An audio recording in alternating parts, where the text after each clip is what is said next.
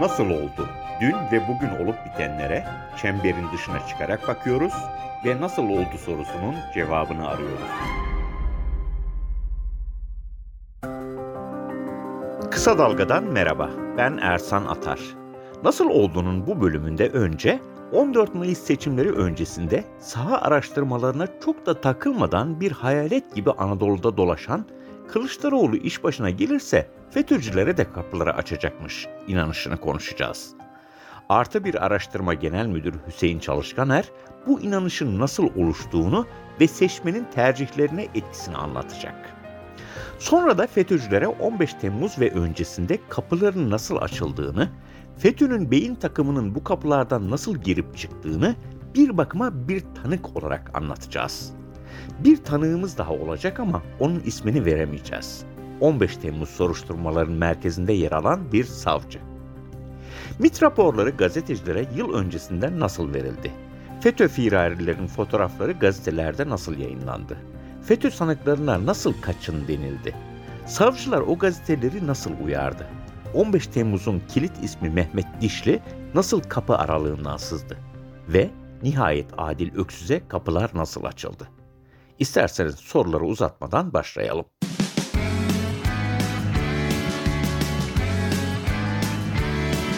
Kulağınız bizde olsun. Kısa Dalga Podcast.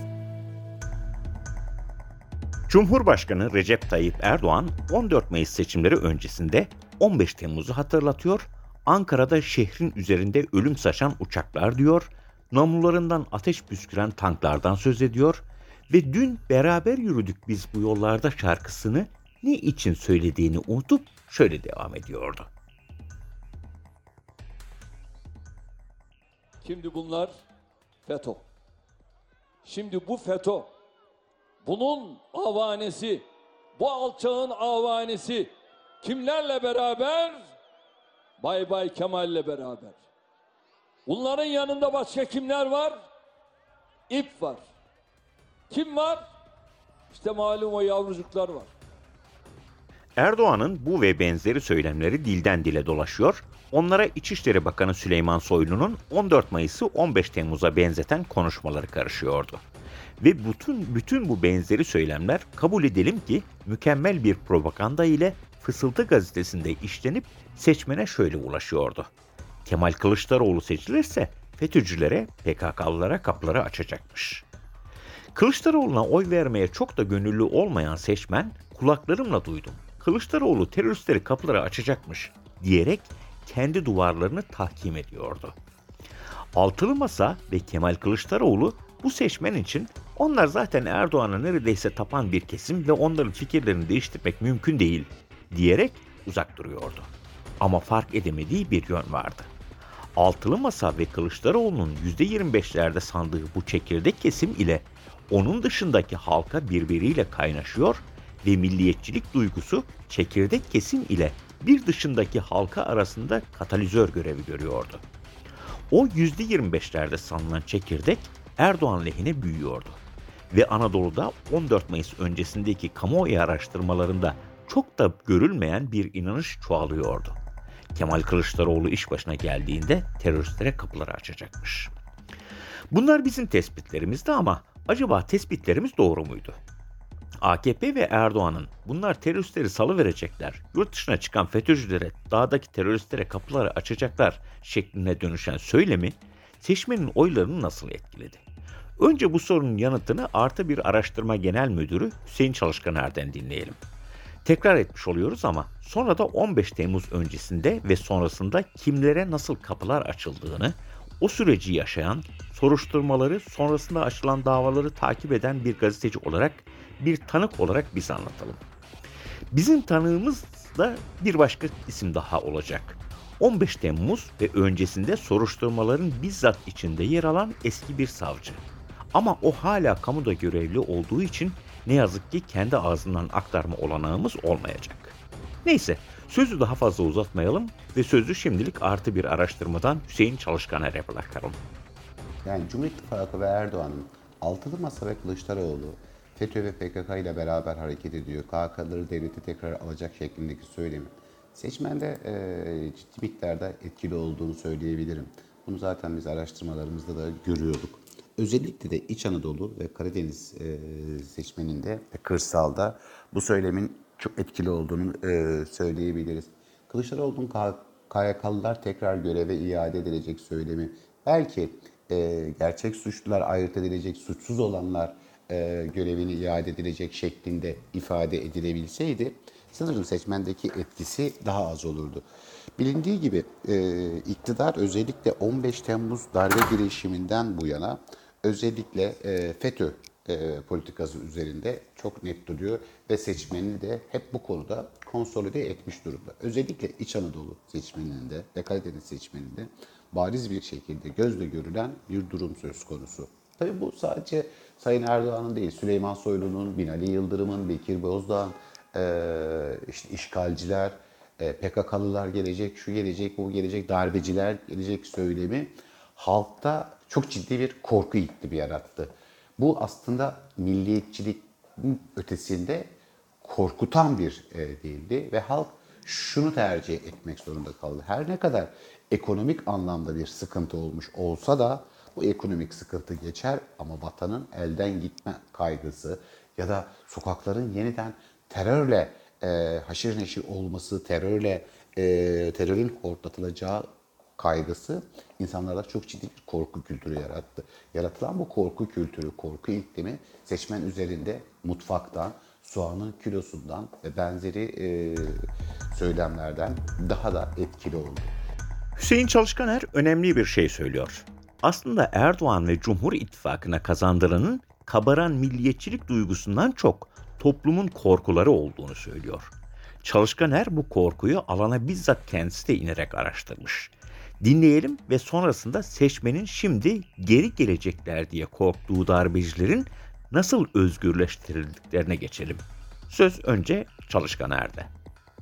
Gerek yaptığımız araştırmalarda gerekse de benim sahada bizzat gözlemlediğim yaptığım konuşmalarda, sohbetlerde bu yukarıda saydığımız, demin konuştuğumuz unsurların seçmen üzerinde çok çok etkili olduğunu söyleyebilirim. Örneğin e, bindiğimiz taksilerde, oturduğumuz yerlerde seçmene e, şunu sorduğumuzda işte e, 28 Mayıs'ta yapılacak seçimde e, hangi lidere oy vereceksiniz diye sorduğumda bizzat e, gözlemimden söz ediyorum. E, Sayın Erdoğan'a oy vereceğini söylüyor seçmen.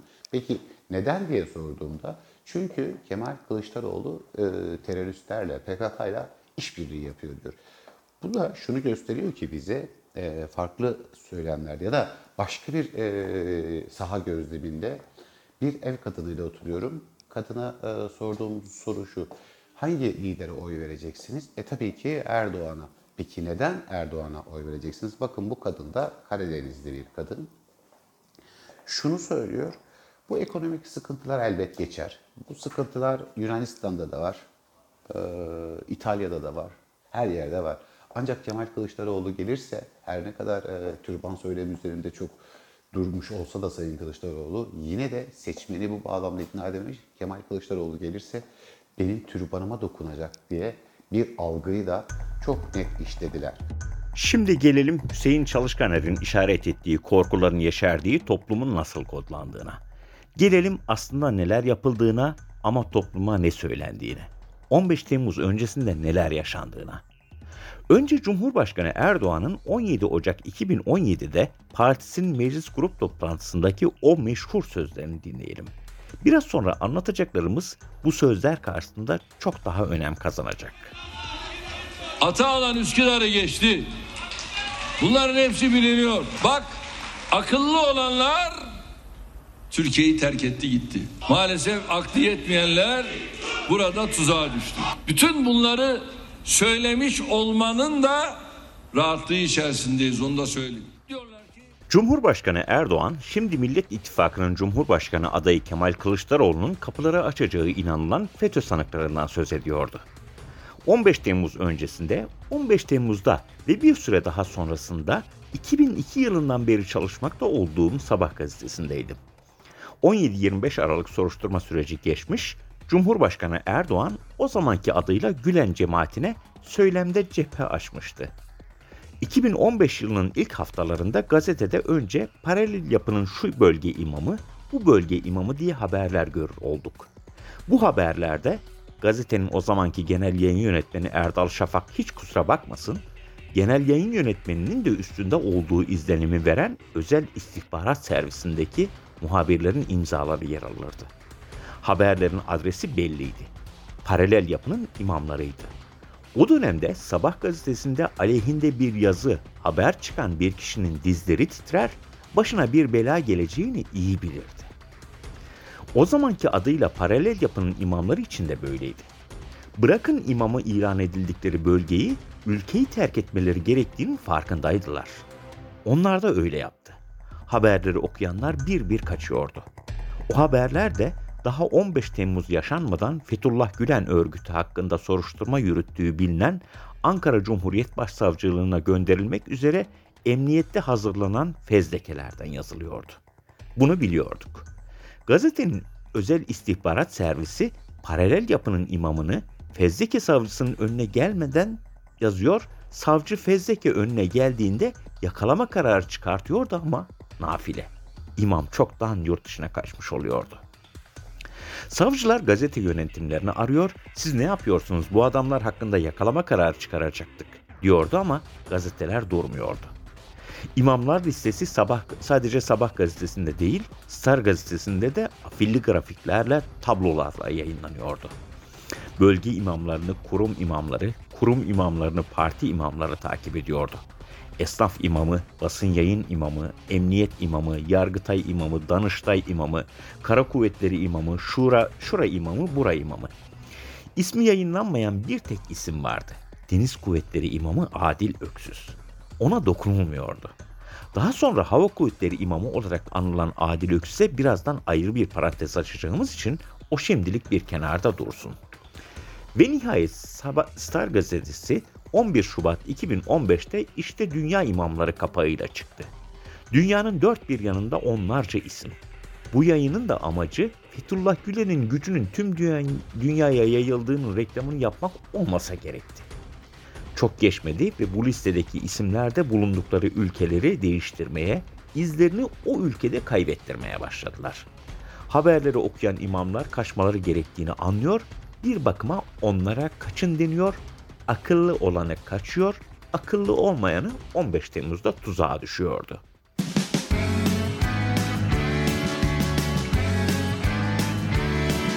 Kulağınız bizde olsun. Kısa Dalga Podcast.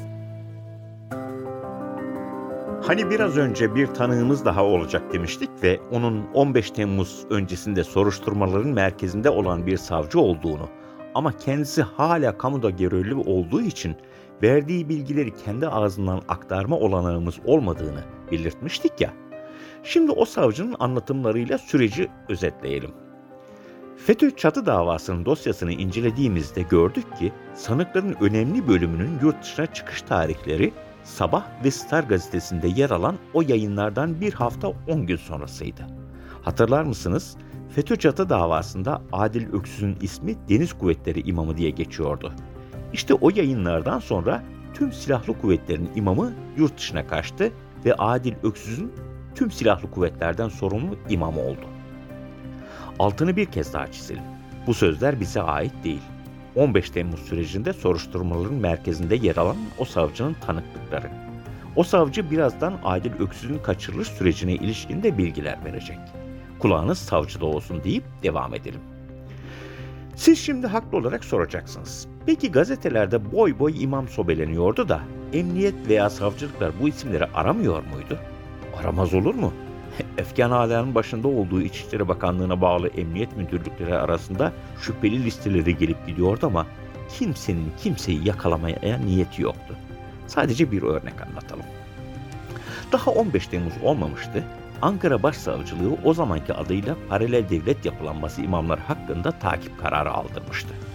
Hoş o karar neden yakalama kararı değildi de bilinmez ama neyse. Ne diyorduk? Mahkemeden takip kararı çıktı. Ankara Emniyeti İstanbul Emniyeti'ne yazı yazdı. Bu 13 kişiyi takip edin dedi. Bu isimler arasında Ekrem Dumanlı da vardı.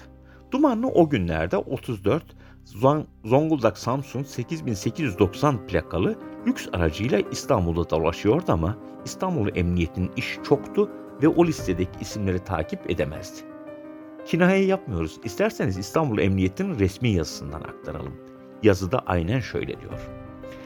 Teknik takibi yapılması istenen hedef sayısının fazla olması, bu çalışma ile ilgili tarafımızın önden bilgilendirilmemesi ve gündemin yoğun olması sebebiyle müdürlüğümüz tarafından teknik takibi yapılan hedef sayısının da fazla olması sebebiyle tarafımızdan teknik takibi istenen hedeflerin sürekli olarak teknik takip kurallarına uygun takibinin yapılamayacağı hususunda gereğinin yapılmasını arz ederiz. Böyle yazıyordu İstanbul Emniyeti'nin Ankara'ya gönderdiği cevap yazısında. Gündem yoğun, takip edilecek kişi sayısı fazla, takip edemeyiz.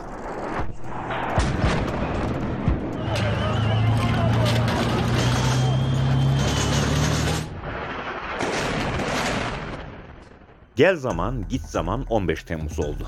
15 Temmuz'un konuşulacak çok yönü vardır elbette ama şu anki konumuz imamlara açılan kapılar olduğu için oradan devam edelim. İmamların isimlerini önce nerede gördük? Ankara Başsavcılığı'nın darbe girişiminden önce tamamladığı ve 15 Temmuz'un hemen ertesi günü mahkemeye verilen FETÖ çatı davası iddianamesinde gördük. İddianame sırası geldikçe imamlardan söz ediyor ama çoğunun firari olduğunun notunu da düşüyordu. Nitekim iddianamenin sanıklarının önemli bir kısmı da bu firari imamlardı. Bunlar isimleri gazetelerde yayınlandıkça kaçanlardı. Bir kişi vardı ki adı iddianamede Deniz Kuvvetleri İmamı diye geçiyor ama niyeyse sanıklar arasında yer almıyordu.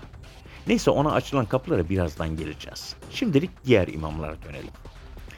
O gazetelerde hani az önce bahsettiğimiz gazetelerde 2015 yılının başlarında isimleri, resimleri çarşaf çarşaf yayınlanan imamların isimlerini ve resimlerini daha sonra nerede görecektik?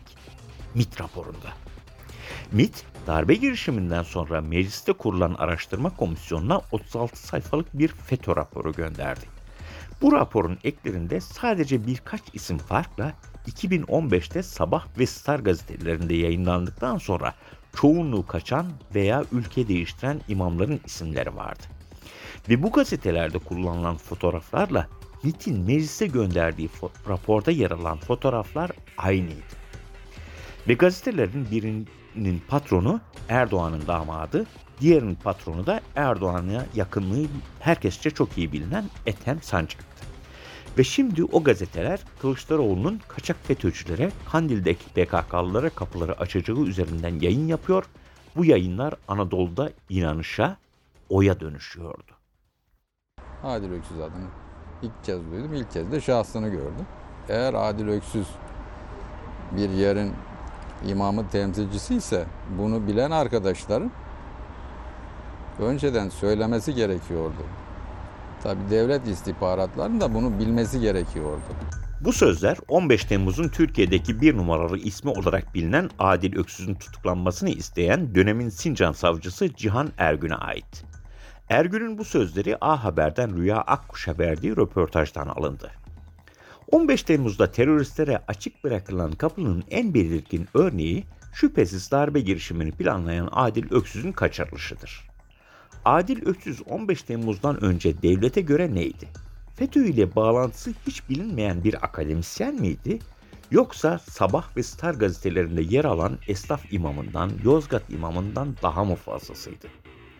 Savcı Cihan Ergün'ün devlet istihbaratlarının bilmesi gerektiğini söylediği Adil Öksüz'ü devlet gerçekten bilmiyor muydu? Bunun cevabını devletin belgelerinden vereceğiz. Aslında 15 Temmuz'dan çok öncesinde hazırlanan ve 15 Temmuz'un hemen ertesi günü mahkemeye sunulan FETÖ çatı davası iddianamesindeki şu bilgiler her şeyi anlatmaya yeterli. Ankara Başsavcılığı'nın FETÖ çatı davasının iddianamesinde şüpheli şahıs analiz ve değerlendirme bölümü yer alıyor.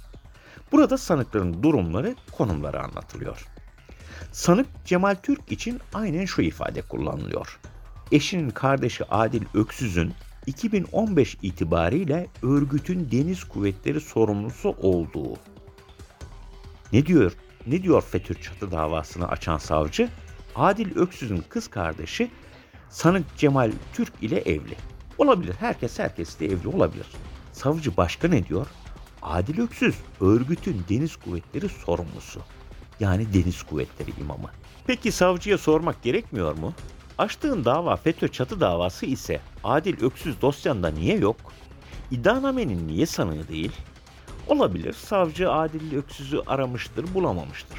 Ama yok dosyada Adil Öksüz'ün arandığı ifadeye çağrıldığına dair tek sayfa belge bulunmuyor.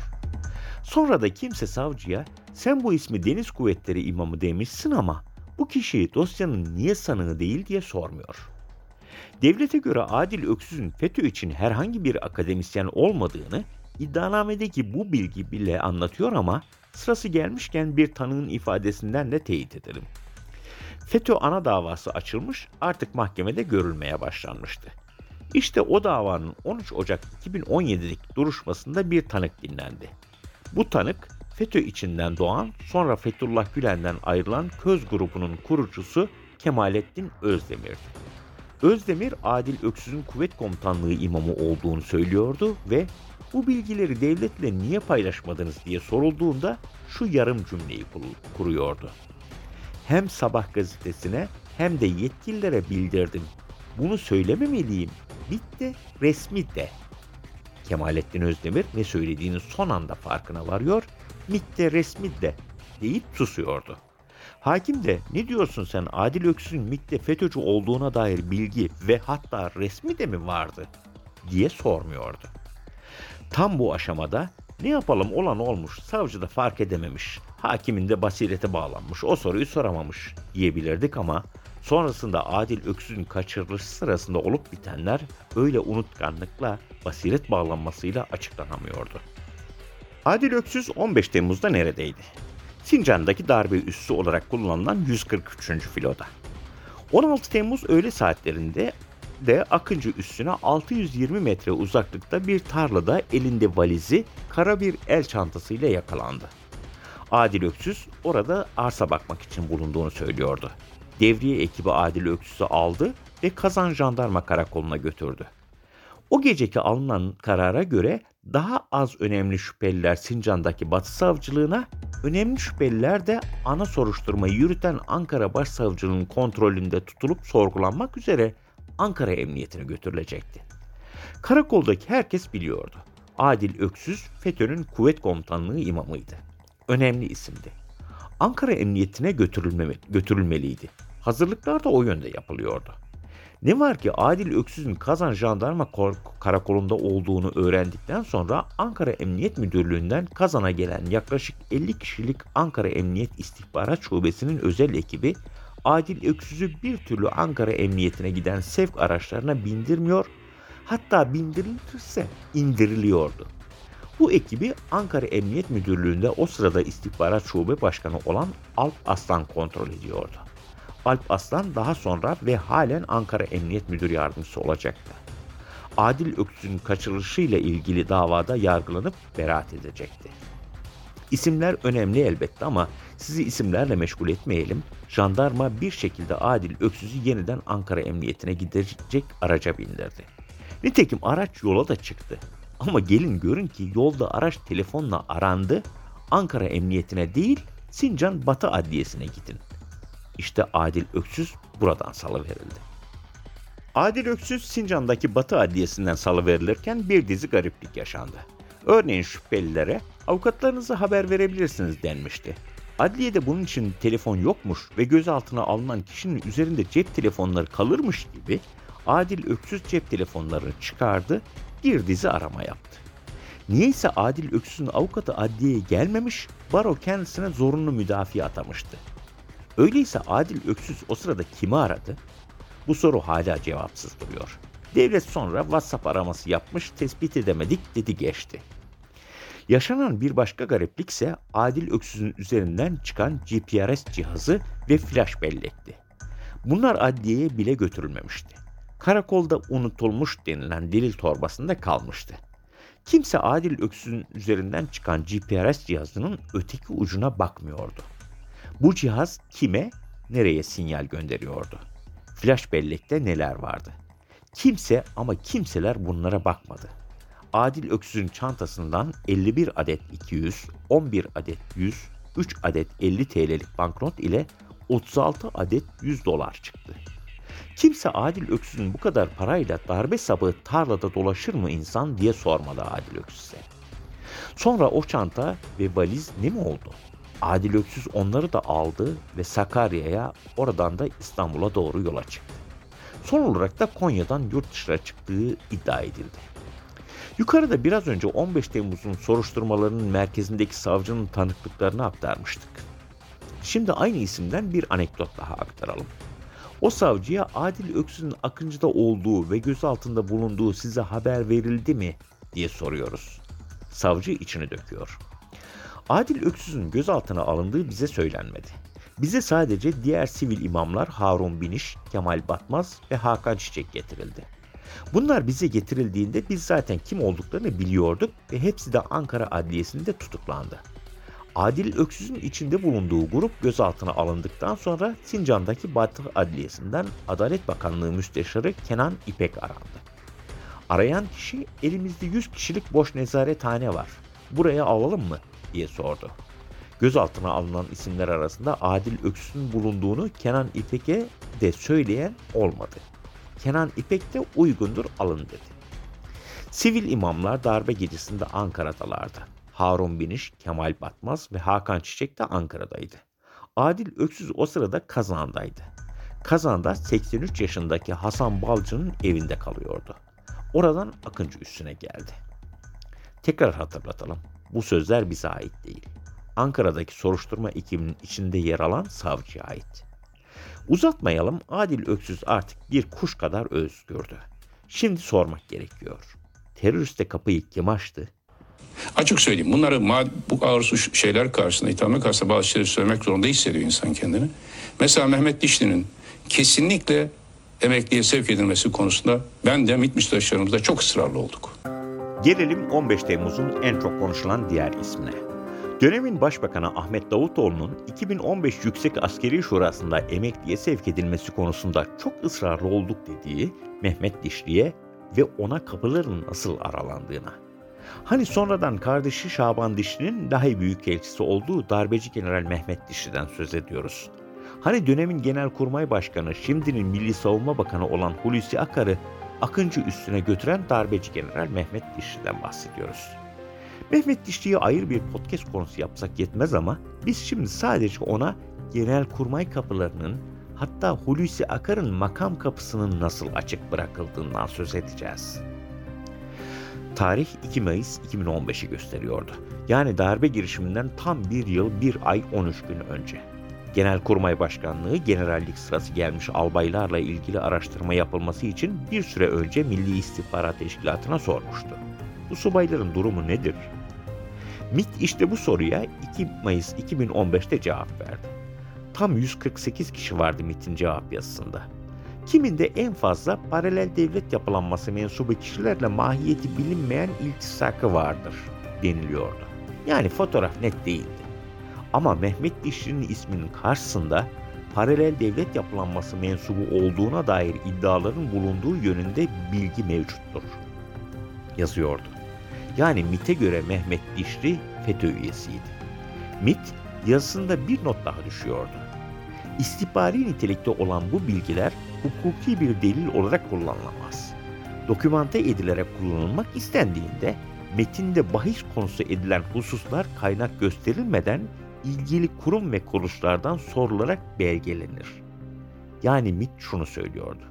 Bizim bilgilerimize göre ihraç kararı vermeseniz iyi olur ama bilin ki bu bilgilerin bizde belgesi var.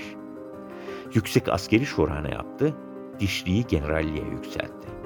Şimdi ama Yüksek Askeri Şura'da da FETÖ'cüler vardı. Örneğin darbe girişiminin önemli isimlerinden Akın Öztürk diye biliriz. Burası tamam da o notu dönemin Başbakanı Ahmet Davutoğlu da okuyordu. Yaş kararlarını onayan Cumhurbaşkanı Recep Tayyip Erdoğan da okuyordu. Davutoğlu sonradan Mehmet Dişli'nin paralel devlet yapılanması içinde örgüt mensubu olarak yer aldığını, kendi görüşüne rağmen Dişli'nin emekliye sevk edilmesinden son anda vazgeçildiğini söyleyecek ama yine de daha fazlasını kendinde saklayacaktı.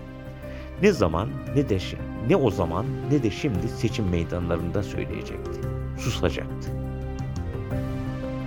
MİT yazısı demişken bir isimden daha söz edelim. Mehmet Partiköç'ü bilir misiniz veya hatırlar mısınız? Hani 15 Temmuz'un darbe girişimi olduğunun en somut belgesi olarak gösterilen sıkı yönetim belgelerinin altında imzası olan General Mehmet Partiköç'ten bahsediyoruz. İşte MIT'in Genelkurmay Başkanlığı'na gönderdiği yazıda Mehmet Partiköç'ün ismi de vardı. Sadece Dişli ve Partiköç mü? MIT'in şu veya bu şekilde paralel devlet yapılanmasına işaret ettiği isimlerden 46'sı general olmuştu ve bunlardan 29'u 15 Temmuz'a katılmıştı. Hülasa 15 Temmuz öncesinde FETÖ'nün imamları sabah bayiden aldıkları gazetelerde isimlerini gördükten sonra bavullarını topluyordu. Adil Öksüz Ankara Başsavcılığının iddianamesinde kuvvet komutanlığı imamı olarak geçiyordu ama salı veriliyordu. 15 Temmuz'da Genelkurmay Başkanı'nı kaçıran Mehmet Dişli devletin kayıtlarında FETÖ mensubu olarak geçiyordu. Ve 14 Mayıs'ta oy kullanan seçmenin önemli bölümü Kılıçdaroğlu'nun Cumhurbaşkanı olursa teröristleri kapıları açacağını söylüyordu. Buna inandırılmıştı.